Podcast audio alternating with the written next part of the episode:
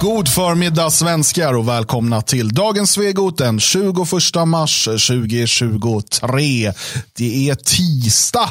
Det är öppet avsnitt. Ni kan lyssna på hela det här avsnittet utan att vara stödprenumeranter. Så idag är verkligen dagen för mongos. Hoppas ni rockar sockorna.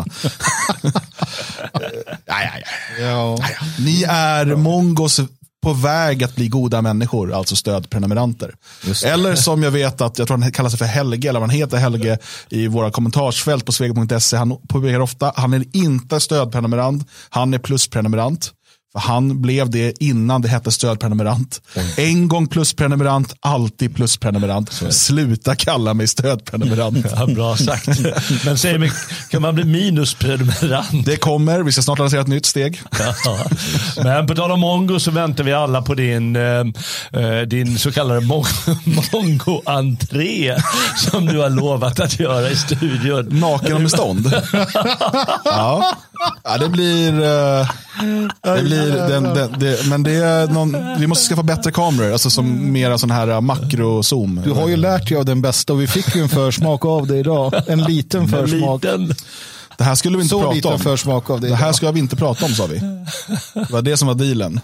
Nu försöker jag ställa in kameran här men det är lite svårt för att den fokuserar nämligen bara på människor. Den här, så.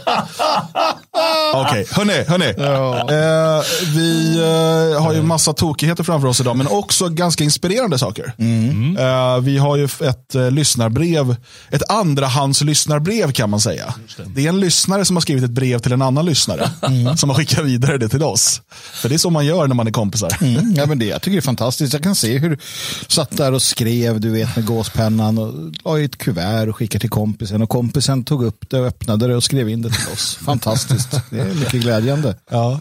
Uh, och, och, Det där ska vi kika på uh, för att det är väldigt uh, intressant att få ett lite utifrån perspektiv. Absolut. När man själv är lite inne i sin bubbla och så. Och väldigt inspirerande att mm. se hur hur en svensk, som vi kallar det här avsnittet då, vaknar upp ur sin dvala, sin Törnrosa-dröm. tänk, liksom. tänk, vad, oh, shit. och tänk vad förvånad han blir nu när vi ska läsa upp det och prata det om konstigt. honom. Och, och outa honom helt och hållet. Ja. Ja, det är synd att han inte har något jobb kvar imorgon. Ja, det är tråkigt, men det är också ett pris man får betala. Ja, men de är, det är ju känsligt när man, när man jobbar där på Eh, vad, vad hette det där han jobbade? Försvarets någonting, forskning kanske, uh, var det MUST? FOI. Ett musteri FOI, vad var det, var det för någonting? F jag kommer inte ihåg. Ja, Men menar ni att de, de har vår radio på på kafferasten och, mm. och lyssnar på det där allihopa? Så är det. Så. så bara, men vad är det? Hörru Göran! vad fan är du också med? Vi har ju mycket folk på MUST. Just ja. MUST har vi eh, många medlemmar. Ja, som påskmust alltihopa. Uh, vi, uh, men, men, vi ska börja i en liten annan ända. Det, det, finns ju den här föreställningen hos en del och kanske framförallt skulle jag säga de som kanske är då lite så här nyvakna eller vad man ska kalla det för och har vaknat upp till att ja, men det, det pågår en del galenskaper i Sverige. Och det finns ju den här föreställningen om att antingen att det bara är i Sverige det är så här mm. eller att det i Sverige är i alla fall värst. Eh, och det finns säkert områden där Sverige är värst i klassen. Mm. Eh, men sanningen är ju den att runt om i världen och framförallt i västvärlden så finns det ganska gott om galenskaper som till och med slår dem i Sverige. Mm. Tyvärr skulle jag vilja säga, för annars är det rätt, rätt skönt. Om det här bara var isolerat i Sverige, då hade man ju liksom kunnat så här, ah, fan vi drar. Ja, alltså det hade funnits alternativ, men det, nej, det är som du säger, man blir förvånad. Jag blir förvånad utav, uh, utav det här vi ska prata om. Um. Jag blev inte helt uh, förvånad eftersom vi vet ju till exempel att Storbritannien, mm. det är mm. ju mycket mer PK där uh, än Sverige på något konstigt mm. sätt. Jag brukar säga, eller som jag kommenterade en vän, att det är ändå skönt att leva i bon-Sverige. där vi ändå, men vi så bonskatt, vi kan inte riktigt ta till oss hela den här tokiga PK-hysterin. Jag menar, fatta de här stackars brittiska flickorna, det är inte bara i en stad, utan jag vet inte, vad, vad heter det mest berömda Rodham eller vad heter Rodham, det? ja precis. Eh, men det är många andra städer där de blivit kidnappade av de här pakistanska ligorna bara för att myndigheterna är liksom PK. Mm. Sen verkar det i Storbritannien vara att man också slår till hårt rent juridiskt. Alltså mm. Människor ja. döms till både fängelse och ja, böter. För väldigt, alltså man skriver så här, men jag tycker transor är knepiga. Då bara pang så mm. skickar mm. de polisen på dig. På och det här är en sån sak som jag ofta får eh, liksom påpeka för svenska dissidenter. Inte så många som kommer kanske ur den rörelse som du och jag Magnus kommer mm, ifrån, den mm. så kallade nationella rörelsen. Eh, men, men däremot kanske så här, Sverigedemokrater och folk, så här, mm, internetaktivister av olika slag och sådär. Att i Sverige, och det här kan låta konstigt för folk, men Sverige är ett av de friaste länderna rent juridiskt när det gäller yttrandefrihet och föreningsfrihet. Eh, och även har Sverige faktiskt på europeiskt sätt ganska bra regler för företag. Mm. Det är många som inte, alltså, vi talar ju ofta liksom, ska säga, illa om Sverige, liksom svenska staten och så här, och, och, och vi har mycket kritik och det finns inget av de här områdena som jag nämnde nu är perfekt. Nej. Och därför ska man kritisera och sådär. Men man måste förstå att eh, till exempel när det gäller yttrandefrihet och, och föreningsfrihet så är Sverige inte perfekt, men betydligt bättre än de flesta andra europeiska länder. Mm. Eh, och annars, som sagt, Storbritannien, prova, eh, prova Tyskland, prova Österrike, prova Frankrike. Det här är länder med organisationsförbud och mycket, mycket hårdare repression. Så, så att man, eh, utan att liksom skönmåla Sverige i onödan, för till exempel tycker jag att hets mot folkgrupplagstiftningen är en, det är en, det är en eh, fasansfull kränkning av yttrandefriheten. Eh, och de här nya grundlagsändringarna där man då börjar prata om terrorism, vilket ju är ett väldigt mm. luddigt begrepp. Det, mm. det är verkligen ett hot mot föreningsfriheten.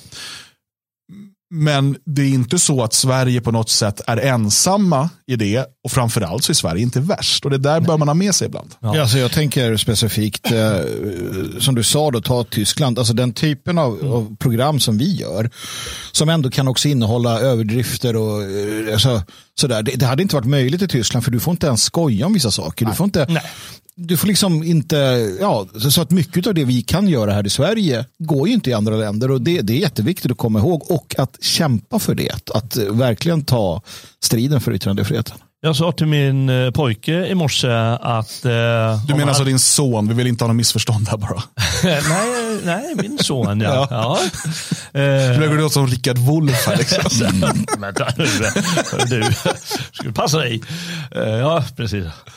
Armlängds avstånd. Eh, nej, i alla fall. Eh, jag sa till honom att eh, hade du varit i Tyskland nu, då hade du hamnat i fängelse. Mm. För han satt vid frukostbordet eh, och sa att ja, men pappa, varför spärrade tyskarna in judar?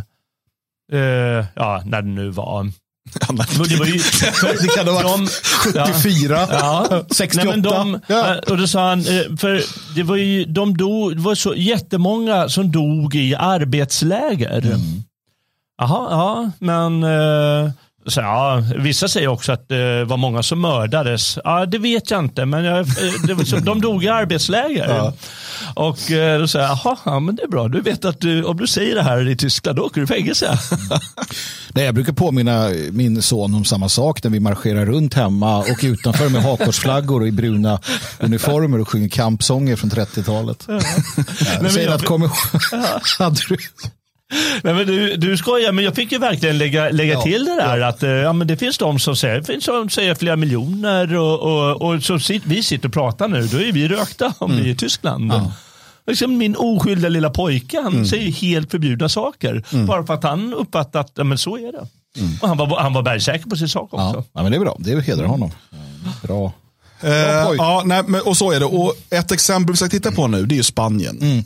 Ja. Och Spanien har också organisationsförbud, de har hatbrottslagar och så vidare. Mm. Eh, men där de verk, verkar ha excellerat verkligen, mm. verkligen. är inom liksom feminism, hbtq, ja. kulturmarxism, transfrågor och vad det nu kallas ja. för. Och vi fick intresse av det här tack vare eh, alla, all god research moder, en Flashback-tråd. Mm. eh, för att du Jalle, du skickade den här till, till vår liksom, redaktionschatt igår och så här, kolla in det här. Och så tittade jag och Magnus på den och sa, det där kan inte vara sant. Nej. Och så började vi kolla upp det. Punkt efter punkt efter punkt verkar vara sant. Och inte bara sant, utan fullständigt rubbad. ja. Och, och vi, låt oss titta då på den här Flashback-tråden. Vi kan ju börja där. Mm. Eh, för den ger en ganska bra sammanfattning där. Mm. Och det är då under rubriken rusning av män i Spanien som vill registrera sig som kvinna. Bara där vet man ju att det här blir bra. Det här blir bra alltså. Och det är då Dengo da Jordan som skriver. Dengo. Feministerna i Spanien har pressat fram en translag som gör det möjligt för vem som helst att hos myndigheterna be om att bli registrerad som ett annat kön. Men det visas, visar sig att de har skjutit sig i foten. Männen köar i tusental för att registrera sig som kvinna. Orsakerna är flera. En man anklagad av sin exfru för misshandel. Kvinnan behöver inte uppvisa några bevis, registrerar sig som kvinna och brottet omvandlas direkt till problem inom familjen. Och här måste kvinnan prestera starka bevis.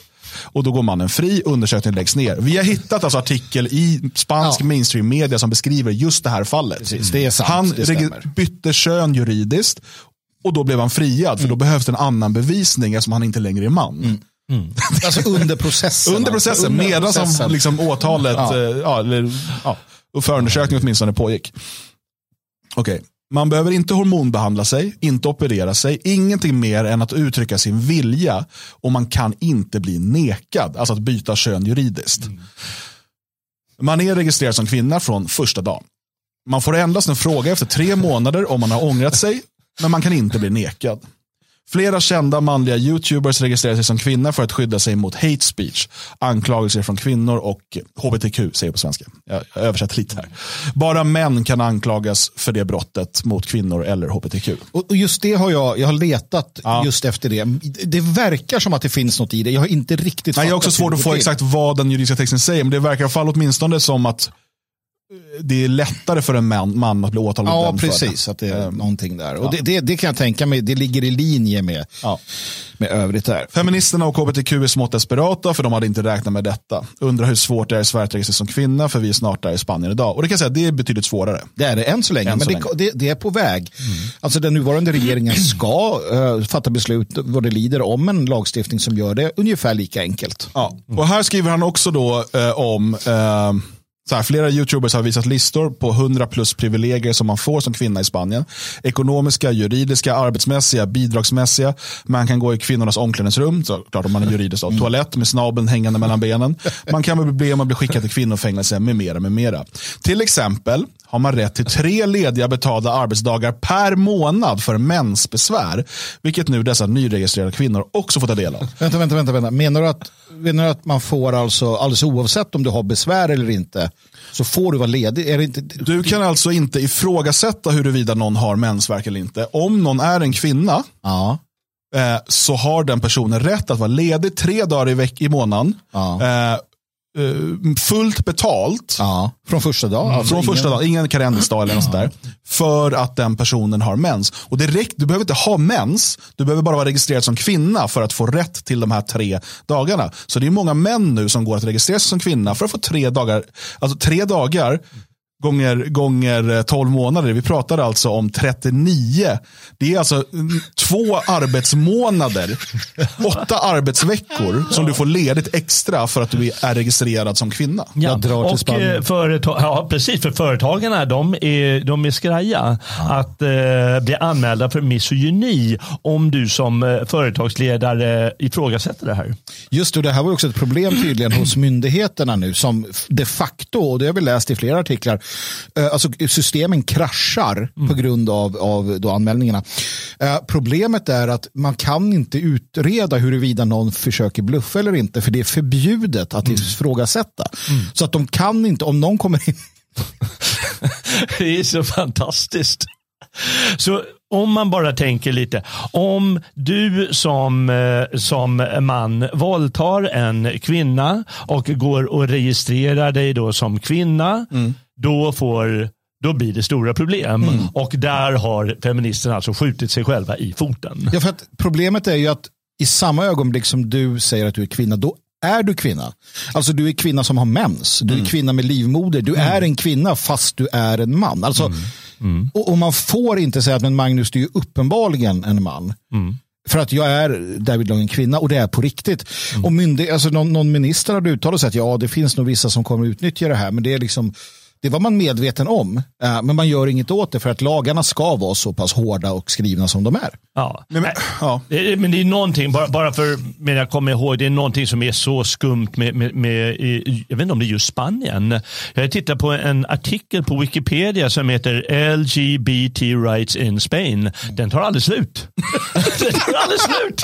Den bara fortsätter och fortsätter och fortsätter. Det, det, det är helt galet. De bara går igenom allting som kan ha med saken att fråga och bara köttar och köttar. Mm. Pension då? Ja.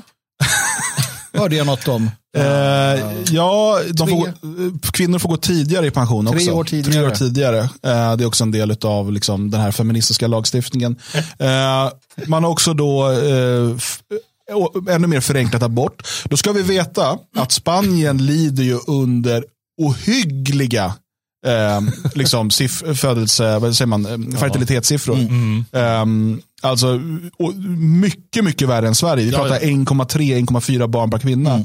Och nu skapar man olika sätt för att få kvinnor att föda ännu färre barn. Mm. Ja. Det här är ju det är folkmordspolitik eh, liksom, som, som, man håller på med. Ja, ja. Det, det, är ju många, och, och, jag är ledare av den rörelsen, som anser att hela den här, vi kallar det vänsterligan nu, för det här är genomfört av eh, eh far left uh, parties uh, mm. uh, som är självmordssekt. Det mm. kan ju inte vara annat än en självmordssekt mm. när man kämpar ännu mer för, för, för det som gör att man får problem. Mm. De är helt galna. Alltså jag försöker förstå nämligen. Jag försöker förstå som domaren då, eller utredaren i det här fallet. Säg att du då har den här uh, våld i hemmet och det har varit liksom övergrepp och allting. Och sen sitter du och så kommer han in till förhöret, förhör nummer två då. Mm. Och bara, eh, god dag Pablo, eh, jag är nummer kvinna. Och den polisen så här, jaha, nej men okej.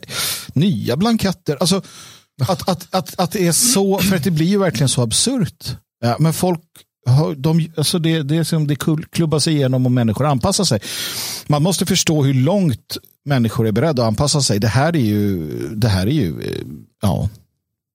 Men, men det här är ju eh, liksom bara, det, det du nämner här, det är ju exempel på, du säger att folk anpassar sig, men det är också att, att vår, vi har under så lång tid gått i förnekelse av allt som är naturligt, allt som är Um, och jag menar, det här börjar, eh, det finns flera steg, men, men jag menar att till exempel ateismen är en bidragande oh ja, oh orsak. Det, här, det går liksom steg på steg på steg här.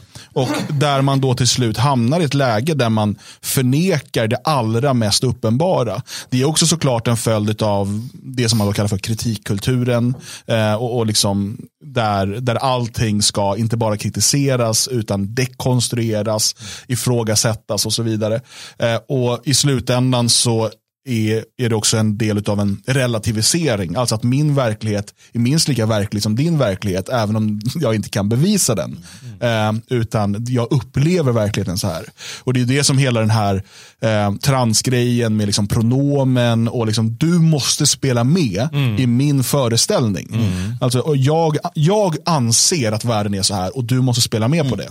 Precis. Och, och, för det är ju en helt ny typ av liksom, totalitär Alltså det, det, är totalitärt tänkande på ett individuellt plan. Mm. Det är liksom inte, och, och, men som dessutom då när de här människorna kommer till maktpositioner eller de kommer till inflytelserika poster på olika sätt. Eh, då tar den här totalitära eh, tänkandet på individnivå och gör det till statslag. Mm. Mm. Så att vi, vi pratade om Kanada förut och det var så Jordan B. Peterson blev mm. känd för att han, han vägrade då gå med på att använda någon, någons eh, påhittade pronomen.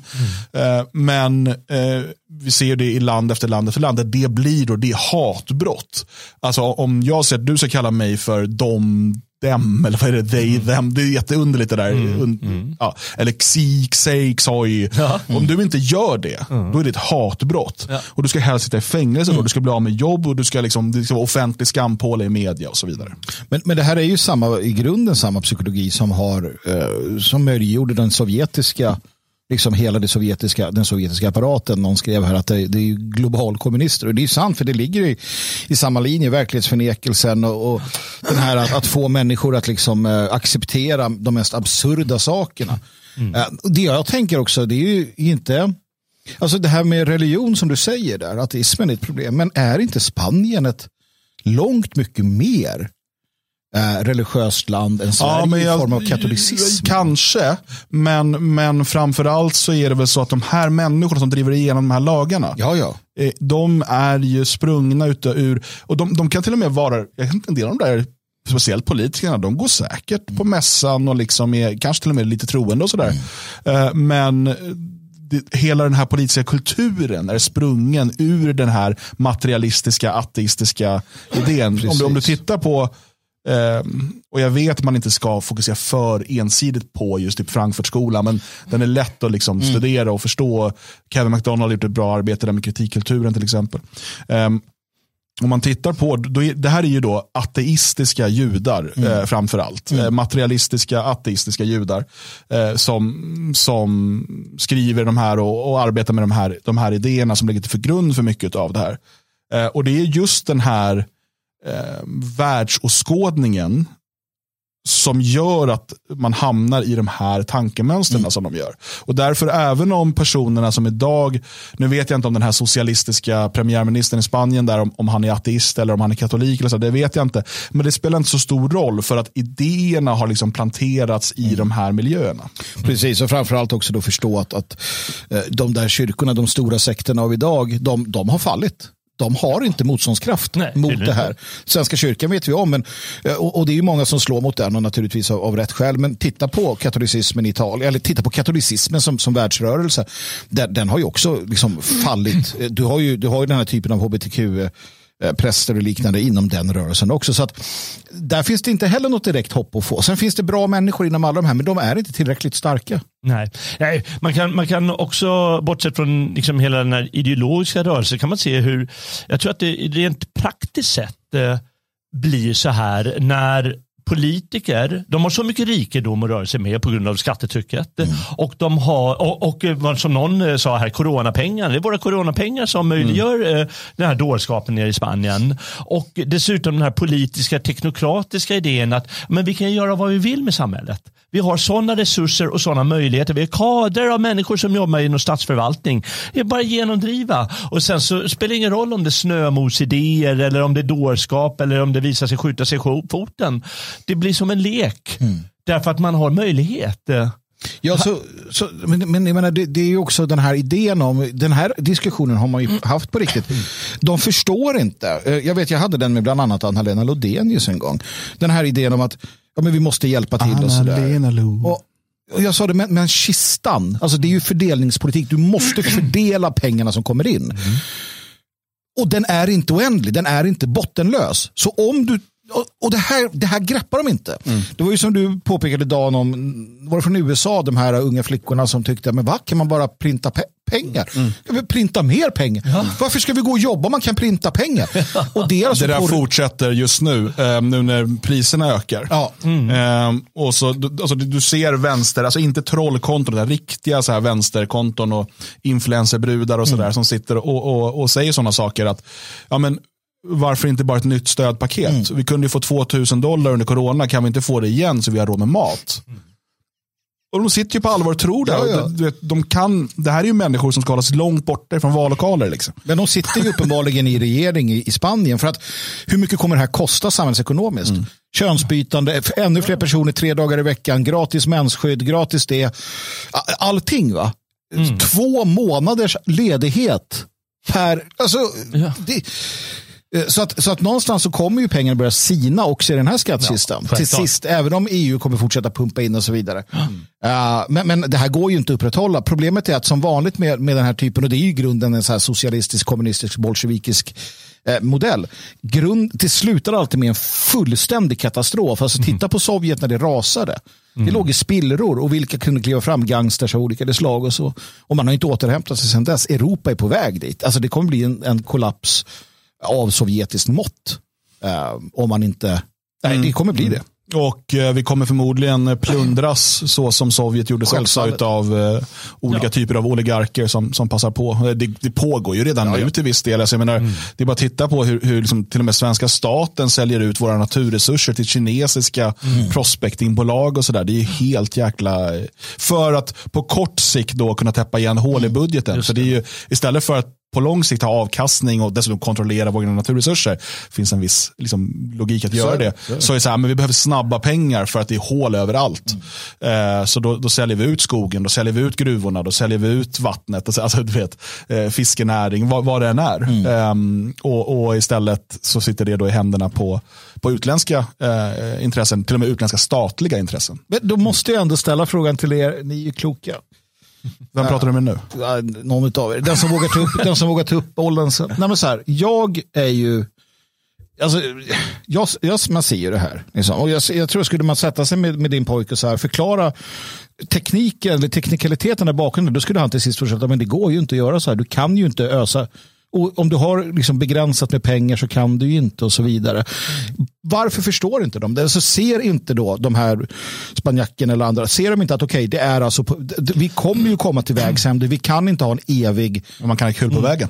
Ja, men det måste ju vara något sånt där. Ja, men det är en, Thomas han skriver i chatten att ar, att arbetat inom svenska staten i många år och kan med säkerhet säga att det inte är någon utarbetad plan från statens håll utan det är 100% inkompetens och oförståelse för konsekvenser. Ja. Det är väl så det ligger till helt enkelt. Mm. De, och, men man, man blir ju så eh, det, det händer något som du pratar om Dan, om verklighetsförankringen eller förnuftet, att det händer någonting. Jag la upp en bild här på, i vår radio. Ska vi kika på den? Jag har den här.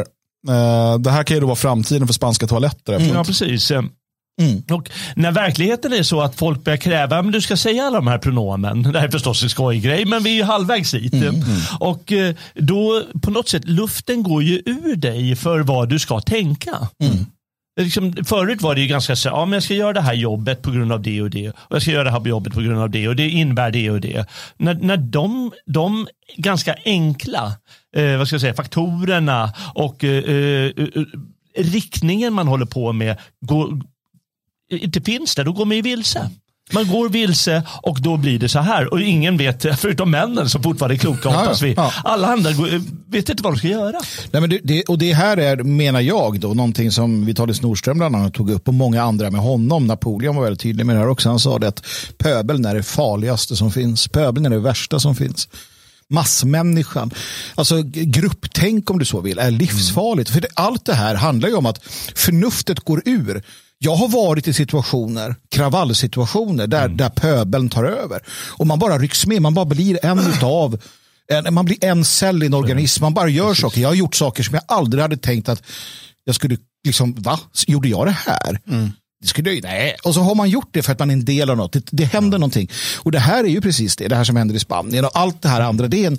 det är liksom en, en, en livsform som ja. träder fram som är, är helt oresonlig. Ja. Jag menar, den här juristen som får det här målet måste ju bara göra sitt jobb. Mm. Ja, men då måste jag göra på det här sättet. Och så lever den som organism mm. in i den här stora ja. organismen som är, givetvis har cancer. Mm, precis. Och bara kör vidare. Ja. Och så blir det mer och mer cancer. Och vem vill stå där och bara nej, You shall not pass. Jag menar, vi gör ju det. Mm. Och, och, några till med oss. Liksom. Men det är livsfarligt för att när, och det här kommer hända. Det, det, här är alltså människor som kommer slita barn från barmen på kvinnor för att de ska könsopereras. Eh, eller vad det nu blir i framtiden. Mm. Mm. Det är så, alltså, i, I Sovjet så skulle man genomföra den totala jämställdheten. Det gjorde ja. man genom att skjuta människor. Ja, genom att på olika sätt och vis. Och, och det är det som väntar. Mm. Förstår ni inte det? Fan, sitt inte bara ner och håll käften. Det här är ju livsfarligt på riktigt. Ja, Ge det 5-10 år, ja. 20 år. Sen är det liksom eh, kolchoser och, och, och avrättningsburar. Ja, och vägen dit eh, går via Radam. Det gör det absolut. Det är bara fatt att det är dit, eh, eller det är där vi är. Vi är ju mitt inne i den här skiten. Och ner till Spanien för guds skull. Ja. Jag åkte in till Spanien, ställde på torget och säger att Nej, men det här är ju inte, det här är inte klokt. Då kommer stora, skäggiga, starka poliser eh, ja. som, som är riktiga män och trycker ner dig, slår dig och drar dig till rätten. Det gör de och anklagar dig för, som det står i en artikel här, LGBTI-fobia. Just det. det är nya begreppet i Spanien. Mm. Prata på. Jag håller på att se... ja, nej men det, det, är, det är skrämmande. För, för att det är så pass absurt, tänker jag, att det är svårt att förstå att det skulle kunna vara så. Mm. Inte ens efter att corona fick hälften av befolkningen eller mer att bli överlöpande jävla avskum. Mm. Eh, beredd att sälja ut sina grannar och sina vänner och sina familjer. Inte ens efter det så kan man greppa hur snabbt pöbeln ändå vänder det, sig. Det går ju, det bara titta, du sa ju Sovjet här, mm. den här utrens, eh, utrensningsfasen mm. i slutet av 30-talet. Eh, då var ju folk rädda för att de hade gett för, beordrat för få nackskott. Ja, så nästa var tvungen att trumpa det. Ja. Och så höll det på att bli liksom inflation i nackskott här bara för Just att det. Det, det på något sätt krävs. Det är som du säger pöbens mekanismer ja. Ja. som bara drar igång och triggar allt mer och mer. Precis. Det var bara Stalin själv som gick säker. Ja, ja precis. Det, det, det är ju sant. Det är, det är helt galet och man måste förstå, vi har, är där. Där har du system, pinnar. Eh, polisen använder sig av de här pinnarna som det kallas, för, för mig. Mm. Det vill säga att du ska, alltså, X, du måste uppnå ett visst antal pinnar, alltså fortkörningsböter och så vidare, och så vidare bara för att. Så här. Vet du vilka mina favoritpinnar från polisen var? Nej. Det var de här under corona när de gick och mätte de här två meters pinnarna ja, som de gick och kollade så att folk kollade avstånd i Tyskland. de gick runt i folkmassor massor med två meter långa pinnar och tittade. Så. Det är ju sant. Ja, det är sant. Det är sant. Det är sant. Ja, ja, det är sant. Och folk gick med på det. Jag menar, och det är som ni säger, coronan visade hur snabbt människor kan gå med på nästan vad som helst. Mm. Om man bara hotar med liksom rätt, eh, mm. om man blir rädd för rätt saker eller har rätt belöningar eller vad det än är. Mm. Eh, och hur många, jag, jag vet flera fall av människor som var helt emot, eh, som inte ville vaccinera sig, mm. som inte trodde att sjukdomen var speciellt farlig, men som gick och gjorde det för att de ville resa, de ville, du vet. Mm. Man kan få människor, med, med piska och morot kan du få människor att göra det mesta. Mm. Eh, så enkelt är det. Mm. Uh, ska vi ta och titta på det här härliga lyssnarbrevet? Ja, men vi gör ja, det. Vi gör det för att det finns hopp. Det finns, det hopp. finns hopp mm. och man kan vakna upp ja, för ja, dårskapen. Jag tänkte att vi ska låta, för det är inte så kul att bara titta på oss, så vi ska, det finns någon film här med Sweden 4K Nature Relax, Relaxation Film. Härligt. Som liksom får rulla i bakgrunden tänker jag. Ja. Lite vackra bilder från Sverige. Just det. Och det det kan väl vara härligt liksom, istället för att bara titta på tre gubbar som, som pladdrar. Tre gubbar, tre gubbar i Elgarås en stund. Ska vi se ja, jag kan. Jag funderar på att börja sjunga faktiskt. Ja, nej, men gör inte det. En karriär. Jag har um, bra sångröst. Okej. Okay. Det var så att Anders skrev i eh, Fria Svenskars fikarum. Vad är det undrar ni? Jo men det är en, en chatt på Telegram. Appen Telegram, ladda ner den. Sök på Fria Svenskars fikarum mm. och gå med där. Det finns en massa olika ämnen att gå in och diskutera under. Um, och är man medlem i Det Fria Sverige så har man ju dessutom tillgång till uh, DFS medlemschatt uh, på Telegram. Den hittar man via friasvenskar.se. Men vem som helst kan gå med i Fria Svenskars fikarum och uh, snacka loss med folk där. Och där skrev Anders Stockholm. på Radio Svegot-tråden. Ja. Ni ska inte kolla på bilderna, ni ska lyssna nej, på förlåt. Ja. Jag tar bort. Så. De där bara rullar i bakgrunden för... Det är så Stockholm, jag saknar Stockholm nu. Ja, du får väl åka dit. Världens bästa stad. Anders skrev så här då. En till mig närstående person har länge varit en av de statsindividualister som Radio Svegot för en tid sedan pratade om. Vet inte när förändringen började ske, men minns jag rätt luftade han om att han röstade på ST i valet 2018. Åtminstone i ett av de tre. Men i senaste körde han SD rakt igenom. Det kan man tycka vad man vill om, men med tanke på att han länge har litat på SVT och omfamnat mångkulturalismen är det lite stora ögon förvånande. På sent 90-tal tog han exempelvis avstånd från mig som då var SD-are. Fast han har gjort något våra politiker inte gjort. Han levde i befolkningspolitikens getto. Grannkommunen till Rosengård i Malmö. Efter fem år fick han tydligen nog. Nu lyssnar han på Radio Svegot och bläddrar ibland igenom memer på Nordfront. för, ett par, dagar sedan fick jag ett e-brev. Och här är då eh, vännen här som hyllade mångkulturen på 90-talet och tog avstånd från Anders för att han var sverigedemokrat men som nu har börjat då rösta på Sverigedemokraterna och eh, lyssnar på Radio Svego tydligen. Så hej Anders kompis. Hej. hej. Kul. Så här skriver han till Anders. Då. Jag hörde det på Radio Svegot. Tack staten för maten. Det beskriver träffande hur vi svenskar har fostrats till att hysa all den tillgivenhet och solidaritet som många andra människor känner till sina närmsta och till stammen, till staten och dess institutioner istället. Vi är inte medlemmar av en klan eller ett folk. Vi är medborgare i en stat. Till det kommer att de flesta av oss är konflikträdda, konformistiska Eller altruistiska, men i praktiken är det inte alltid någon större skillnad. Och trogna socialdemokrater, av naturen eller kulturen eller kanske både och.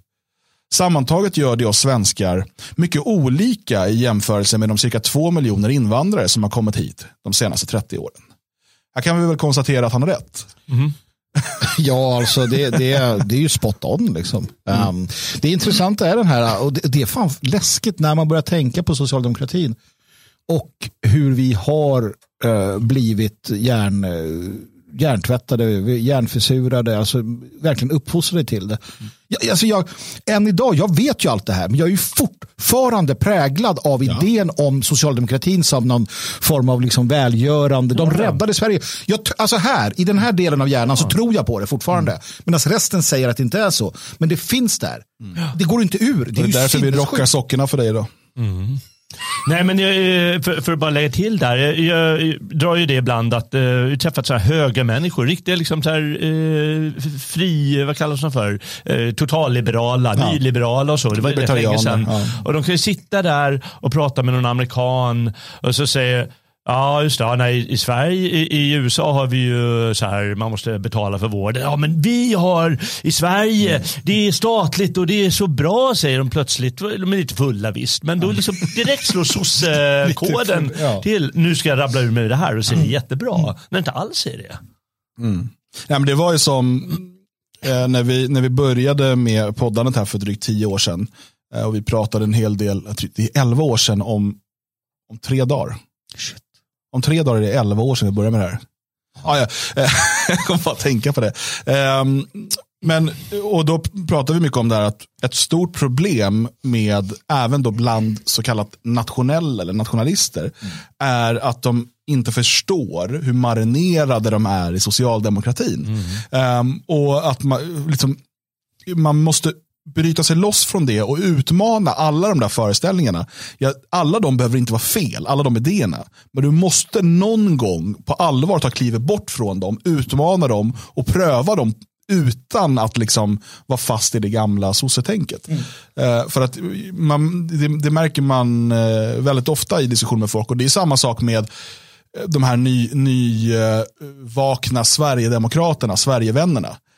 Um, som är helt övertygade om att liksom, Sverige var ett paradis på 70-talet. Och du mm. vet, sossarna, det var, det var bara något som gick fel sen. Det var Reinfeldt. Ja. Eller det var, du vet. Och så här, men vänta, låt oss kolla här. Vad är det som händer steg för steg? Reinfeldt, han kommer inte ur ett vakuum. Varför hamnar vi där? Vad, vad har man liksom gjort? Och det som som jag såg som exempel som man tar upp här, tack staten för maten, det handlar ju om att man, man liksom ersätter Gud med staten. Mm. Eh, och Det är samma sak om du tittar på den socialdemokratiska eh, socialpolitiken på 40 och 50-talet som var väldigt inspirerad av till exempel nationalsocialismen. Men där man också bytte, bytte ut då, eh, man steg för steg började byta ut ras. Mm mot liksom, stat. Mm. Eh, och det blir liksom partiet som mm. blev det sammanhållande i typiskt socialistisk mm. eh, anda.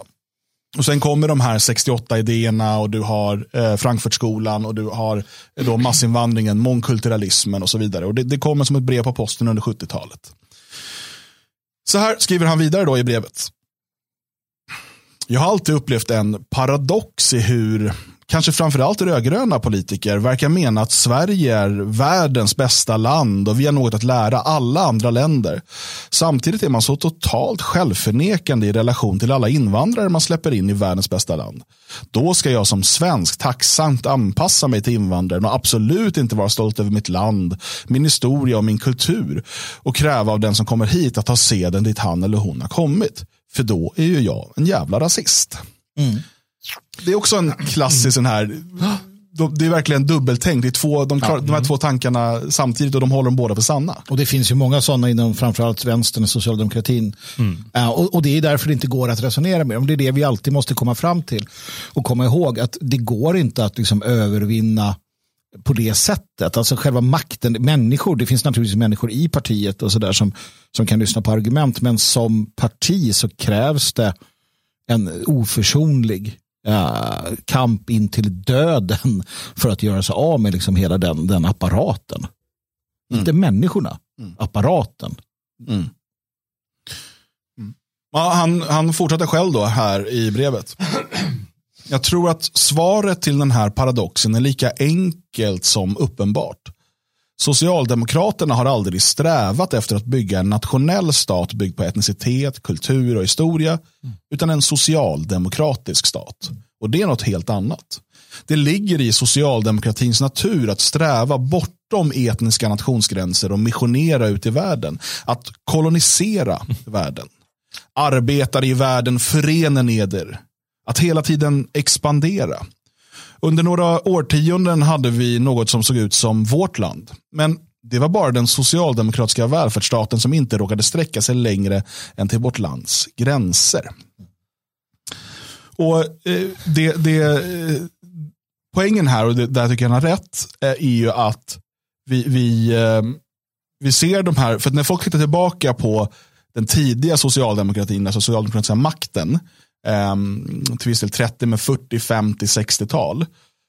Det enda anledningen till att det, man kan se det med liksom rosenrött skimmer är att de inte hade hunnit förstöra så mycket. Ja, ja, alltså, det, det, är faktiskt det som händer. Ja. Det svenska, eh, liksom, det här, man, ibland så försöker man då påpeka eller påstå att det var socialdemokratin som byggde det svenska välståndet. Mm. Det är ju inte sant. Alltså, för det första, i stort sett alla de här stora tunga industriföretagen grundas och, och liksom får igång sin verksamhet och gör en stor verksamhet innan socialdemokratin blir maktparti i Sverige.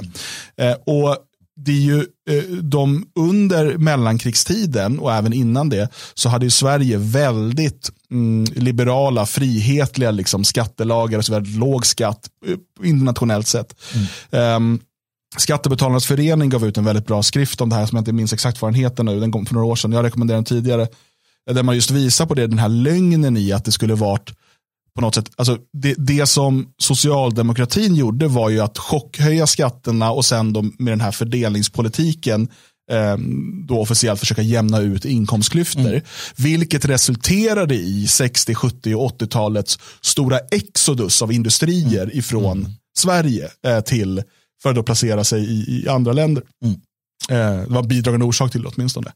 Um, så att det, det, blir lite som att ehm, man, kan, man måste bedöma ett, eh, liksom en, en, eh, ett maktparti som Socialdemokraterna på frukterna, inte på, inte på hur fint trädet är precis när det planterats. Mm. För då har man inte hunnit få den ruttna frukten än. Liksom. Mm. Ja, precis. Så är det.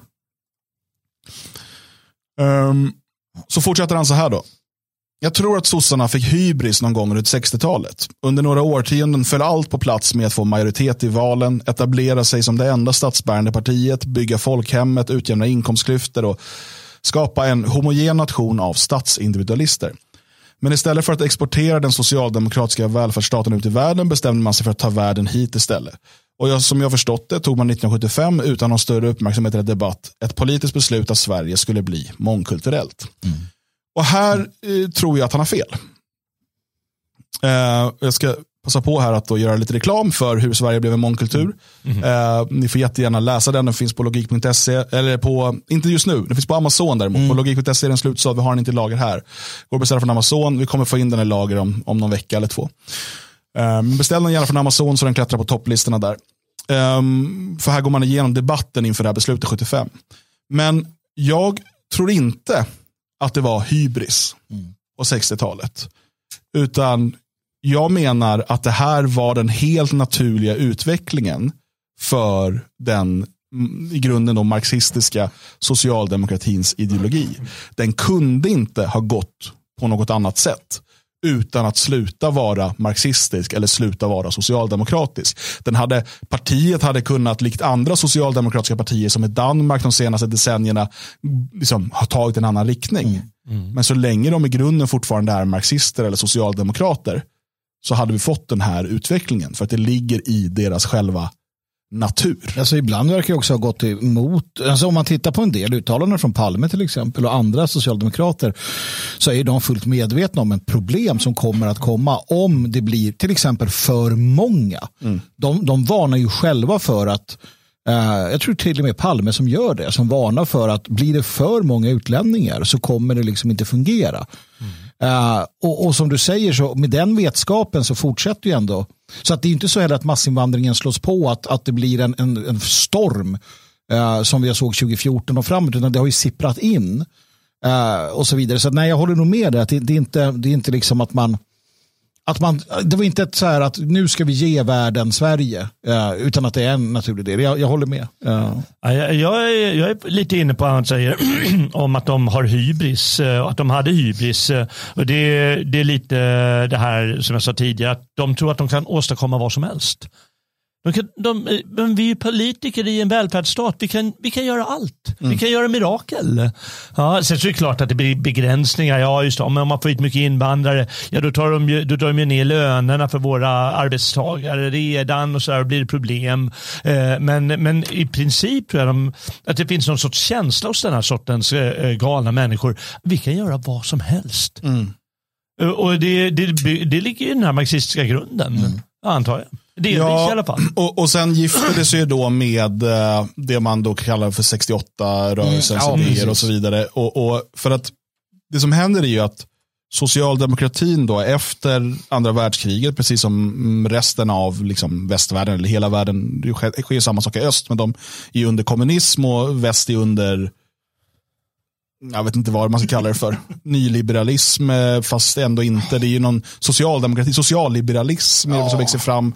Men, men det, är, det är en annan typ av samhälle än det är öst i alla fall. Mm. Men det som händer överallt är ju eh, alltså det här förnekandet utav och det växer bit för bit. Då. Eh, inte bara liksom ras eller rasliga skillnader, utan överhuvudtaget skillnader mellan människor. Att vi i liksom rent biologiskt har olika förutsättningar. Utan du kan bli vad du vill i politiken. Det handlar bara om social ingenjörskonst, det handlar bara om utbildning. Det är bara miljö och inte arv. Medan liksom seriös, även modern forskning visar ju att liksom arv kanske står för 80 procent. Alltså du kan absolut med miljö ge olika förutsättningar och lyckas med olika saker. Men eh, till exempel nu när man tittar på eh, varför människor blir kriminella och våldsamma. Så eh, förklaras det mycket mer av genetiskt arv än vad det förklaras av miljö. Mm. Sen kan de här sakerna trigga varandra. Uh, men, men det som händer här är ju idén då eh, om att man med social ingenjörskonst kan och, och, och liksom du vet, fri skola, fri sjukvård, allt det här de pratar om. Så, återigen, den är inte fri, men den är, betalas med skattepengar. Um, är ju då att man tänker att men vi behöver få in fler för först har vi arbetskraftsinvandringen. Vi behöver få in mer, fler människor i, i arbete. Då kommer arbetskraftsinvandring från eh, dåvarande Jugoslavien, från Grekland, det kommer sen från Turkiet, vi har Italien. Eh, många länder i Europa som efter andra världskriget eh, hade ett par decennier av riktig jävelskap. Eh, som då kommer till Sverige, i stort sett får arbete från dag ett det är ändå liksom, finns ändå liksom de här konflikterna och, och, och eh, problemen med liksom, man inte delad identitet, inte delad religion och så vidare. Men mm, de här människorna kommer i arbete direkt och man börjar se det som att vi kan ju bara fortsätta. Dels har vi då det här sociala samvetet, att rädda människor på flykt eller undan förföljelse eller sådär. Speciellt kamraterna då i Chile till exempel. Mm. Det, det, var ju liksom kommunister man tog hit. Eh, och så dels har man liksom den, eh, det liksom sociala samvetet som man såg det. Och sen då den här idén om att men om, här, om fler människor kommer till Sverige, då kommer vi ha större arbetskraft och då kommer vi också kunna producera mer och liksom vi kommer kunna öka eh, tillväxten och, och rikedomen och liksom fortsätta på det här e, evigt progressiva eh, tåget mot, mot paradiset. Och då bortsåg man helt ifrån att det är en sak att, att liksom att det kommer eh, 2000 kroater och börjar jobba på, på industrin i Forshaga. Eh, och en helt annan sak att det kommer 40 000 somalier och inte jobbar, knappt kan läsa och så vidare. Eh, och, men men man har fortfarande då den här idén, jo men bara de får gå i svensk skola, bara vi ger dem kurser och bara vi ger det här, det här, det här, så kommer det här att lösa sig. Nu, det senaste är liksom Johan Persson som står häromdagen och säger att vi ska ha en Sverigekurs. Bara vi lär dem hur Sverige fungerar så kommer liksom integrationen lösa sig. För att man har helt, precis som vi pratade om Spanien, man har struntat, man har, liksom kast, man tagit verkligheten och så man kastar den i soptunnan och säger så här borde det vara. Och därför kommer vi hålla fast vid det. Mm. Och det är det som händer här efter 68. Eh, och när Sverige då eh, ska bli en mångkultur. Tillsammans med massa andra såklart faktorer. Som i den här boken Hur Sverige blev en mångkultur så kan man se hur delar av debatten gick innan, den debatt som fanns. Vilka grupper som drev på det. Och det var ju av naturliga skäl då minoritetsgrupper. De största grupperna som bidrog eh, i den här debatten var alltså judar och ester. Mm. Mm. Och det var två av de största minoritetsgrupperna vi hade då. Det. Och det finns naturliga skäl för att minoriteter vill ha en svagare majoritet. Eh, det finns också naturliga skäl för att minoriteter vill ha mer skydd för minoriteter. Mm. Det säger sig självt. Eh, och, så det finns flera sådana här eh, steg som, som leder fram till det. Mm. Så ni fortfarande kollar på naturbilderna? Jag ser hur era ögon vandrar till Sveriges underbara natur. På. Ja, men det är svårt. Det. det. är ju hemskt att sitta och, och, och ha det där som är Förlåt. förlåt. Ja, det borde varit något. Kanske en stor bild på mig istället. Ja, men precis. Så det är ingen som vill titta. Han fortsätter då. Jag tror att eh, tanken var att invandrarna skulle dels ge sossarna ett fortsatt existensberättigande i en allt mer välmående nation där kanske färre och färre arbetare spontant identifierade sig som knegande socialdemokrater. Man behövde helt enkelt fylla på väljarbasen med fler självskrivna väljare i under och arbetarklassen. Dels skulle exemplet med invandrarna visa för resten av världen vilken bra metod socialdemokraterna i Sverige hade för att omvandla vilka människor som helst till moderna socialdemokratiska och välartade statsindivider. Där kommer, där, där kommer hybrisen in. Det är ja, jag säker på. Och där kommer de... skjuta sig i foten in. Absolut. Men sen huruvida Ja, när de, alltså, uppenbarligen har de kommit på att de behöver valboskap. När mm. de kom på det vet jag inte. Uh, faktiskt, alltså, när, när de insåg att uh, svenska arbetarna verkade... Tror ni att de är så cyniska? Delar av dem är det, utan tvekan i partiet. Det är jag helt säker på. Ja. Det, du vet någon sån här grå eminens som har suttit sedan 45 och aldrig dör som är så här betongsos in i själen, deras liksom antikrist. Mm. Uh, det tror jag nog att man tänker så. Um, titta bara på hur de just det här att de vallar, att de de facto vallar blattar uh, på valdagen. Och mm. får dem att så här, här får ni en påse, gå och rösta, mm. här får ni en påse med en socialdemokratisk logga på förresten, vi gillar er. Mm. Det, det säger ju att de, de hade ABF i Södertälje hade kurser i bakning för alla utländska tanter. Så att, och där samtidigt då hela tiden pusha för socialdemokrati. Mm. Ja, men eh, vi kan väl bara konstatera att den nya regeringen inte gör något för att minska inte bidragen till ABF. Inte ett dugg. Och det är därför som, som då de förlorar. Ja. För att de är ju inte, alltså så här, oppositionen är ju en del av socialdemokratin. Ja. Det är en av deras liksom ja, power games. Eh, uppenbarligen. Ja, uppenbarligen. Ulf Kristersson är sosse. Ja. ja. Uppenbarligen. Uppenbarligen. ja, av deras frukter känner du dem? Precis. Så är det. Och, och SD är ju inte ens, de döljer ju inte att vi vill tillbaka till sossarna för Nej. 40 år sedan. Då var det bra. Och många svenskar som bara, minns du Göran Persson? Då var det ordning i Sverige i alla fall. nu röstar jag på Jimmy. Ja, men det är roligt, för, det är för, att, för då hade inte jag insett de här problemen. Nej, så då var det bra. Ja. Ignorance is bliss. Ja, liksom. Jag tar mig tillbaka till en tid då jag inte förstod något. Mm. Jävla Jon, jävlar. Så, ta det lugnt, ta det lugnt. Mm. Det här lyssnarbrevet visar att det finns hopp Det finns människor. hopp. Det här är en bra, bra man. Mm. Mm. Klok man. Så här fortsätter han då. 40 år senare kan vi väl konstatera att det fungerade inte. Hade det handlat om några tusen främmande människor om året hade det kanske fungerat. Men att under 30 år ta in två miljoner främmande människor för några av de mest våldsamma regionerna i världen till en liten homogen befolkning på 8 miljoner människor det är dömt att misslyckas. Det har lett till ett splittrat samhälle med ett antal minoriteter som mer eller mindre lever i sina respektive enklaver. När människor får välja, då söker sig de flesta till de sina. På mikronivå finns det alltid undantag. Alla känner någon som frivilligt flyttade till Rinkeby och bodde där åtminstone ett tag. Men på makronivå är det uppenbart att svenskar lever helst med andra svenskar medan många invandrare gladeligen säger nej till EBO-bidraget och istället flyttar till sina eh, redan överfyllda förorter med samma människor, kultur och religion som de själva. Mm. Och det, nej, det är ju bara ett konstaterande av ja, det som vi har diskuterat det. många gånger. Så, så enkelt är det. det är, och det är fullt naturligt. Eh, liksom, och, och, svenskar gör samma sak eh, när de flyttar till ett område, eh, ett land där det redan bor många svenskar. Mm. Till exempel då eh, spanska solkusten är ett sånt exempel. Mm. Thailand har vissa områden där svenskar gärna bor, för där bor andra svenskar. Det är samma sak när folk åker på sina semestrar. Då åker de, många, inte alla såklart, men många åker gärna till en semesterort där det redan finns en hel del andra svenskar. Svenskt kaffe på hotellet. Mm. Eh, kanske gärna eh, en möjlighet att gå och äta köttbullar någon gång under mm. semestern. Ja, för man känner sig hemma. Det är helt naturligt. Det är Absolut. ingenting att skämmas för eller fel eller så. Utan det, människor funkar så. Jag har aldrig förstått mig på backpackers. Nej, aldrig. Så här, fan ge sig ut i någon jävla fram. Jag vill ha det bra och sen åka ta en liten utflykt och titta ja, på en jävla det pyramid. Det liksom. finns ju vissa människor som liksom tycker om att uh, utmana sig själva, prova på nya saker och sådär. Um, men, um, ja, nej, det, det. men jag tänker på det. Han säger det att vi kan ju bara konstatera det och, och det gör vi ju nu. Ja. Eh, inte bara vi utan ja, men Johan Persson allihopa. De, alla konstaterar ju nu att det här funkade inte. Ja. Och så bara, mm. Men låt oss då göra samma igen. Alltså, det är ju där också det är så fantastiskt. Är så den här pöbelmentaliteten. Ja. För det är nog det också här. Hur ska Johan Persson i, eh, som är LL, hur ska han kunna säga något annat? Han är ju en del av en pöbel som ändå tycker att de här grundläggande idéerna är det vi ska satsa på. Så vi får väl bara, jag vet inte, och då går liksom förståndet ut. Mm. Uh, och så avslutar han så här då. Vårt land Sverige som vi lärde känna under 1900-talet finns inte längre, om det någonsin har funnits. Det blir allt mer tydligt för varje dag som går att vi har Sverige AB där vi etniska svenskar fortfarande bara är den största minoriteten. Men jag känner en saknad efter ett hemland. Byggt på en gemensam värdegrund, historia, kultur, seder och bruk. Vårt land.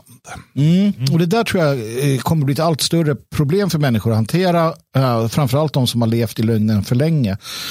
Eh, lite grann som så här i, i filmen Matrix, att vissa, eh, vissa, har man uppnått en viss ålder så väcker man dem inte ur Matrix, för det klarar de inte. Och jag tror att många också kommer just sakna den efter ett hemland eller den tid som var. Och när man inser det, den blir för stark och för stor och det går inte. Uh, och det kan också sluta med, med massa fruktansvärda saker. Det kan sluta med våld, det kan sluta med ja, allt möjligt. Det här, det här kommer i allt större utsträckning. Uh, men men, men uh, här gäller det också, jag såg en, det gäller att vara ärlig, jag såg en, en diskussion på Twitter var det tror jag. där någon skrev så här att man måste förstå att Sverige är kört. Som, som han säger, det Sverige finns inte och kommer inte tillbaka. Var på någon då svarade bara, jo men jag känner att det här kommer vi lösa. Våra barnbarn kommer liksom se något annat och, och nej. Alltså, nej, det kommer inte ändras. alltså, då är man verklighetsförnekare. Demografiska siffrorna är tydliga. Återigen, med mindre än att vi inte påbörjar en massiv återvandring idag. Ja, och det, här måste man ju då spräcka hål på den drömmen. Ja. Eh, för att jag tror inte man ska gå runt och leva i en dröm. Nej.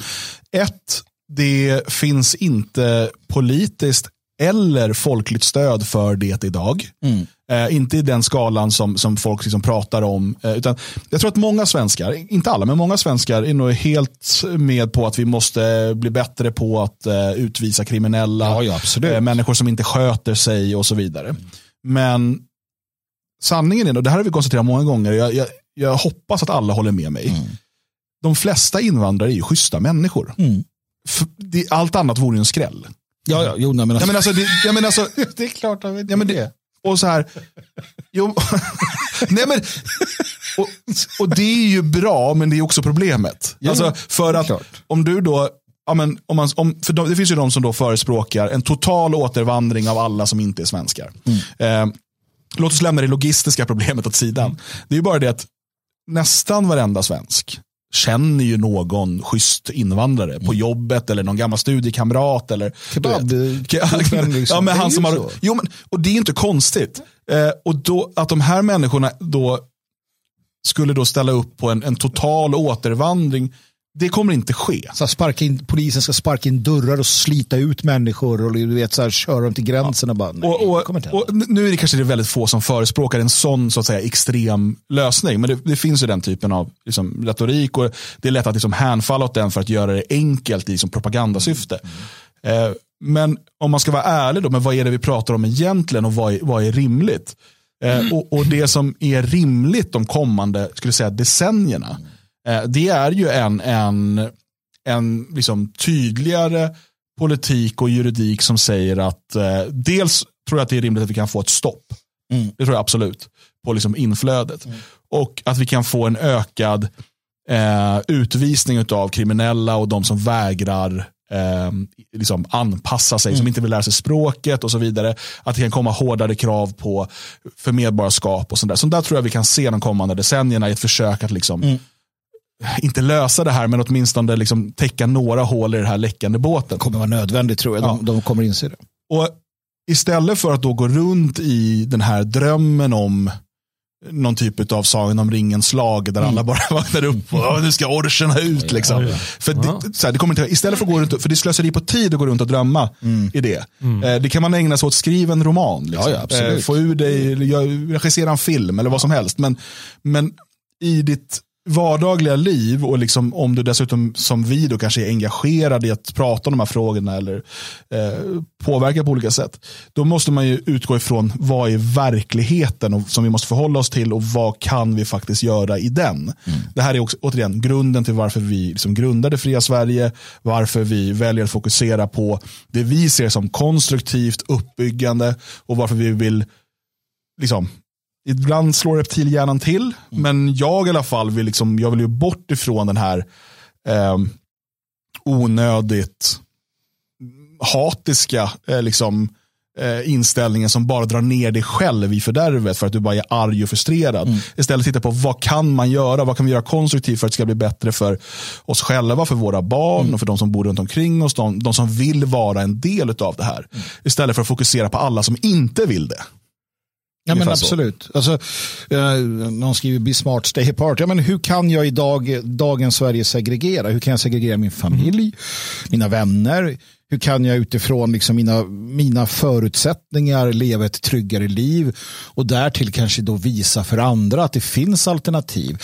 Alla de som är frustrerade och, och, och mår dåligt kunna visa, men titta här, så här kan man göra. Du, du får göra som du vill, men här gör vi så här och det är bra för oss. Alla sådana saker och det är det också som vi vet att systemet fruktar. Så att eh, den, den liksom lite enklare vägen det är ju den att stå och skrika och vara arg.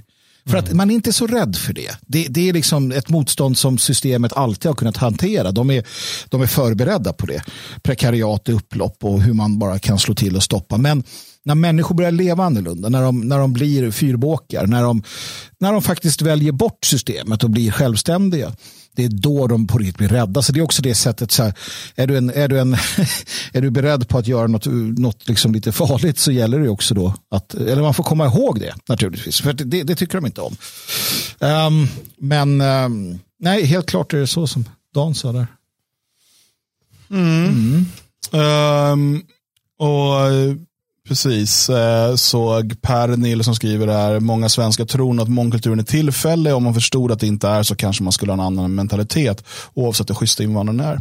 Jag, ja, kanske, men, men jag, jag, jag, tror att de flesta svenskar tror att vi kan få ordning på det här. Alltså, vi kan, mm.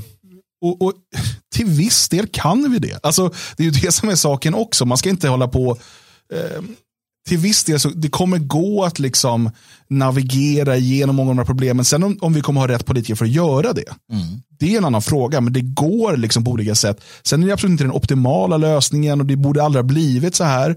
Men vi, kan heller, vi har ju inte en tidsmaskin. Nej. Vi har inte, vad var den där kampanjen, en knapp vi kunde trycka på och så bara spolas tiden tillbaka. Så är det inte. Vi står där vi står och vi kan inget annat. Mm. Daniel frågar här, men Magnus, det ursvenska barbariska då? Ja, barbariet finns. Det är ni och det är vi. Mm. Eh, min, min, min eh, felanalys var att jag trodde att uh, Votan skulle kunna besätta ett helt folk och det tror jag inte, inte nu. Däremot så är jag rätt säker på att när vi har våra uh, när vi har våra platser, när vi har våra platser där vi har våra nära och kära, där vi lever hyfsat uh, åtskilt från systemet och liknande. Om någon försöker utmana oss där och någon försöker skada det vi älskar och någon försöker ta ifrån oss det vi har byggt upp, då finns det en allvarlig risk att barbaren äh, vaknar till liv. Absolut, för det är någonting vi, vi brinner för så är det de sakerna. Hopp, förhoppningsvis så, så behöver man inte hamna där. Sen är jag rätt säker på att och det här har vi sett i historien tidigare. När Rom faller så kommer det hända saker. Fruktansvärda saker i de områdena som drabbas. När USA faller nu, när Ryssland imploderar eller Kina eller vad som än händer mm. så måste man förbereda sig på att det kommer bli en, en barbarisk tid om man så vill. Det är jag helt säker på.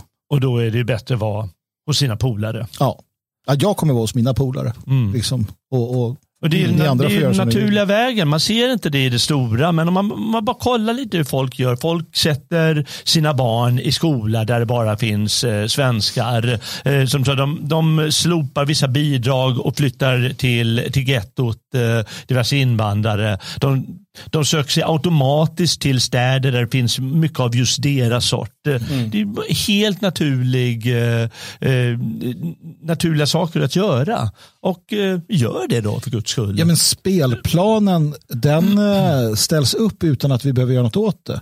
Alltså mm. som du säger, man positionerar sig. Instinktivt positionerar Instinktiv. man sig. Ja. Eh, samhället gör det, men svenskarna gör det också. De som ligger steget före ligger också steget före i detta. Det vill säga att svenskar kommer positionera sig och segregera och så vidare. Men vi som förstår vad som händer, som ser, vi som ser uh, som de rörelserna, vi kan ju på ett helt annat sätt förbereda oss rätt mm. ekonomiskt och på andra sätt och vis. Mm. Vi kommer ju ha en fördel. Och man, man, får, man, får nog, eh, man får nog utgå lite från vad Adam skriver här att jag tror inte gemene svensk tänker alls. Jag tror de flesta tror att så som det ser ut idag i normalläge och att det alltid kommer vara så här, varken bättre mm. Eh, eller värre. Att, ja, men det är därför man måste ta och leda sådana människor. Och det får man finna sig i att ja, men de här fattar ju inte. Mm. Så vi får helt enkelt ta, utan att de vet om det ibland, bara mm. leda dem åt rätt håll. Mm. Jo, men, och det är ju så som man ser i historien. Det har alltid klivit fram män eller kvinnor för den delen, Jean d'Arc. Eh, eller liksom konstellationer som har känt att okej, okay, jag har rätten av olika skäl att ta kontrollen över det här folkets öde. Mm. Och ja. ta dem och säga åt dem att det är det här som gäller och sen så tar jag och så styr dem. Uh, och de flesta människorna tänker när den där handen kommer att ta tag i dem att yes vad skönt, äntligen någon jävel som styr upp det här. Precis. Och det, det vill vi. Och det var det sossarna gjorde ett ja. tag. Och då är väl, uh, ja men funkar, funkar konceptet bra tydligen? Ja, ja visst, absolut. Aha. absolut. Så att, um, Ja, men det är väl bara att titta på Ungern. Det funkar, funkar fantastiskt hittills i alla fall för, för Orban till exempel med sin illiberala demokrati, ett eh, bygge han håller på med. Han har ju också tagit en fast hand och säger så nu mm. går vi åt det här hållet. På lördag, Magnus? På lördag då ska jag, då ska jag orera, då ska jag ah. prata, då ska jag lära ut, folkbilda, motivera, inspirera, predika och på alla möjliga sätt eh, låta flabben gå.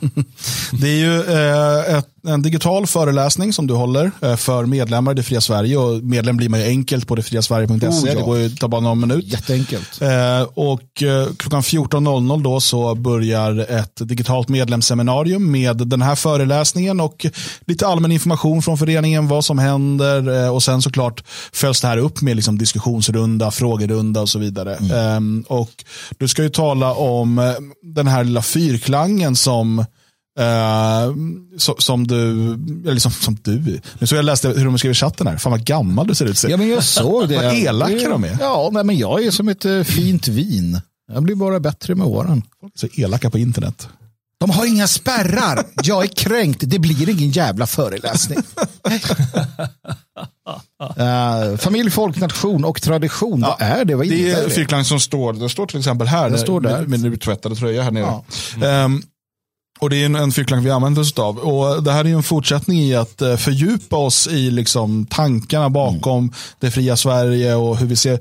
Jag, jag talade här, för två månader sedan hade vi en sån här föreläsning där jag talade om Sverige de kommande hundra åren, eh, vilka vägar det kan ta och hur vi måste förbereda oss och så vidare. Mm. Och Du ska här då tala om den här fyrklangen. Vad innebär den mm. egentligen? Är det bara fyra ord som till intet förpliktigar? Precis. Eller finns det någon mening med det också? Ja. Det ska jag göra. Jag är manlig och snygg. Tack Daniel. Du är en vän i nöden, den där uh, andra där. Norpan säger du tycker det är en fin bild. Kolla här. Tack. Nu kärleksbombas du. Det är som ja. moskén äh, efter. Jag något. utsattes för näthat och genast kom svaret. Det gläder mig. Det blir, det, det blir ett anförande på lördag. Det blir det. Kommer man kunna se det i efterhand? Eh, Dan Osäkert. Eriksson? Osäkert. Vi spelade in det förra men det var något fel på ljudet. Vi vet inte hur vi kommer göra med det här. Uh, vi har nämligen lite tekniska utmaningar. Ja, det, det har vi minst sagt. Men det löser jag. Det är nämligen så att jag kommer inte kunna vara på plats från början. Utan jag kommer komma in en bit in i. Ja, eh, för jag oj, oj. Så det är Magnus som kommer sköta tekniken eh, till en början. Mm, mm. När det går igång. Så att vi kan inte lova. Att kan vi lova bild och ljud? Något utav det. vi, vi, får se. I, ja, vi ska i, ha... I, I värsta fall då får du bara lägga upp texten ja, på en stor skriva. Så, här, så får de läsa ja, på skärm. Så sitter jag där och, ja. Ja. Det löser nog på något sätt. In och läs istället på magnushard.se. Där brukar du lägga upp långa textremsor. Ja, eller Magnus Härd. Med ä går alldeles utmärkt att använda roligare med Men det tycker inte Dan. och jag skriver inne på daneriksson.com. Där kan man också läsa. Da, da, fan, det går ditt namn är bättre. Daner Ixon. Dan Riksson. Ja. men absolut, daneriksson.com. Fantastisk liten... Eh, Fantastisk, en otrolig. Uh, det kommer lite intressanta saker där. Jalle Horn då? Det snart kommer en snart plats kommer där ja, Jalle kommer få skriva av sig Eh, och den eh, kan vi berätta mer om om någon vecka eller två kanske. Mm. Det ser vi fram emot. Eh, jag tycker man kan passa på att gå in på logik.se och beställa böcker om inte annat. Det tycker jag definitivt. Logik.se. Och flissar, är, du, är du glad? Nej, men Fresh Sussi påminde om den här gången då jag gjorde ett eh, morgonavsnitt på egen hand. Och... Varken spelade in eller sände live, du satt bara och pratade. Jag, jag satt och pratade för mig själv och var så här upprörd och allt möjligt. Och så, och så till sist så jag, nej det här var ingenting. Jag var så jävla besviken. Hur lång tid gick det? En timme minst. Oh, ja. Det gör ont. Ja, det är... Och Mofo vet redan att jag ska äta kycklingkorv och hummus. Han måste ha någon kamera hemma hos ja, mig. Ofantligt orolig över Mofo här. hur kan... Ja. Uh, härligt. Uh, vi är tillbaka imorgon i alla fall, uh, förhoppningsvis. Mm med en, en relativt ordinarie sändning. Vi sänder ju live klockan 10 varje vardag. Glöm inte att följa oss på YouTube och Odyssey och även på Telegram. Sök upp Radio Svegot eh, där. På Twitter finns vi också. Det gör vi. Ja, det är överallt. otroligt vad vi finns på många ställen. Onlyfans. Ja, det har vi också. Har vi? Eh, det heter Svegot stödprenumerant. Ja. Eh, bli stödprenumerant så kommer du få vårt Onlyfans-innehåll bestående av, ja det, det, kan vi inte berätta Nej. om här. Nej. Så stort tack för idag. På återhörande. Var snälla mot varandra. Hej, hej.